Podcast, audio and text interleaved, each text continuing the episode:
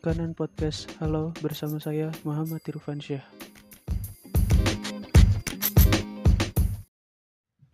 Hai, perkenalkan nama saya Muhammad Irfansyah. Saat ini saya sedang melanjutkan pendidikan S1 di Universitas Muhammadiyah Riau, Fakultas Teknik, Program Studi Teknik Industri. Pada kesempatan kali ini, gue bakal ngebahas tentang pengusaha sukses di Indonesia. Orang yang mau gue bahas yaitu Gofar Hilman, lahir di Jakarta tanggal 26 April 1983. Dia merupakan seorang aktor, MC, penyiar radio, youtuber, komedian, dan juga pengusaha sukses. Gofar Hilman memulai karir sebagai penyiar radio pada tahun 2012. Ia bahkan berhasil memecahkan rekor siaran terlama yakni 34 jam non-stop Rekor ini mengalahkan Indi Baren dan Farhan yang juga sempat membuat rekor siaran terlama selama 32 jam. Gofar Hilman bersama rekan-rekannya membuka bisnis yang bernama Lawless Jakarta. Lawless Jakarta merupakan sebuah store yang berisi tiga elemen penting yaitu motor, musik, dan tato. Tiga hal ini merupakan hobi dari para pemilik Lawless Jakarta dengan bermodel kesukaan yang sama, akhirnya Gofar, Aryan, Semi, Ucup, dan Roni sepakat untuk membangun Lawless Jakarta pada tahun 2011 silam.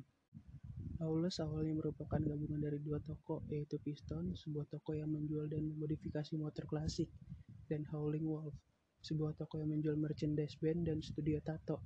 Sasaran utama dari Lawless adalah mereka yang menyukai ketiga hal tersebut, motor, musik, dan tato. Besarnya nama Gofar Hilman dalam jagat media sosial juga menjadi nilai plus dalam mempromosikan Lawless Jakarta. Kicauan-kicauan dalam media sosial Twitter kerap menimbulkan perhatian dari para netizen. Hal inilah yang membuat namanya melambung tinggi.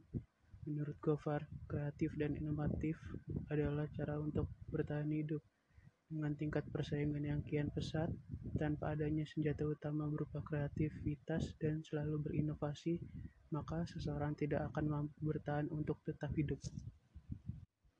Berangkat dari keyakinan ini, Gofar dan Lawless Jakarta terus mengeluarkan ide-ide baru agar eksistensi Lawless tetap terjaga. Tidak hanya mengeluarkan produk-produk baru, namun Lawless kerap menggelar beberapa event seperti Skpal Aspal dan beberapa event musik dan motor lainnya. Dengan terus mengeluarkan karya, Gofar dan para author Lawless Jakarta yang lainnya yakin dapat terus mempertahankan nama baik Lawless di mata penggila otomotif, musik, dan juga seni tato. Walaupun owner Lawless Jakarta berjumlah lima orang, sangat mungkin terjadi perbedaan pendapat. Namun, hal ini tidak menjadi hambatan bagi para pemilik Lawless Jakarta. Kentalnya persahabatan di antara mereka menjadi hal yang penting untuk selalu mempertahankan Lawless. Suatu persahabatan yang baik akan sangat berguna apabila mampu menciptakan suatu hal atau karya bersama-sama, seperti Lawless Jakarta yang kini dapat terus berdiri tegak akibat persahabatan kreatif yang dijalin oleh Gofar, Aryan, Semi, Ucup, dan Roni. Sebenarnya masih banyak cerita yang seru dari Gofar Hilman dan Lawless Jakarta, tapi gue rasa cukup sekian karena kita membahas tentang pengusaha sukses di Indonesia. Kalau mau dengar cerita-cerita yang seru dari Gofar dan Lawless Jakarta, Doi juga punya channel YouTube sendiri. Tonton aja langsung, oke? Okay?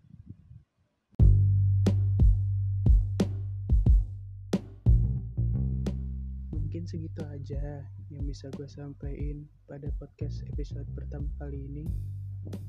Mohon maaf apabila host berbata-bata dalam menyampaikan kata-kata. Kanan podcast dan Muhammad Irfan Syah pamit. Assalamualaikum warahmatullahi wabarakatuh.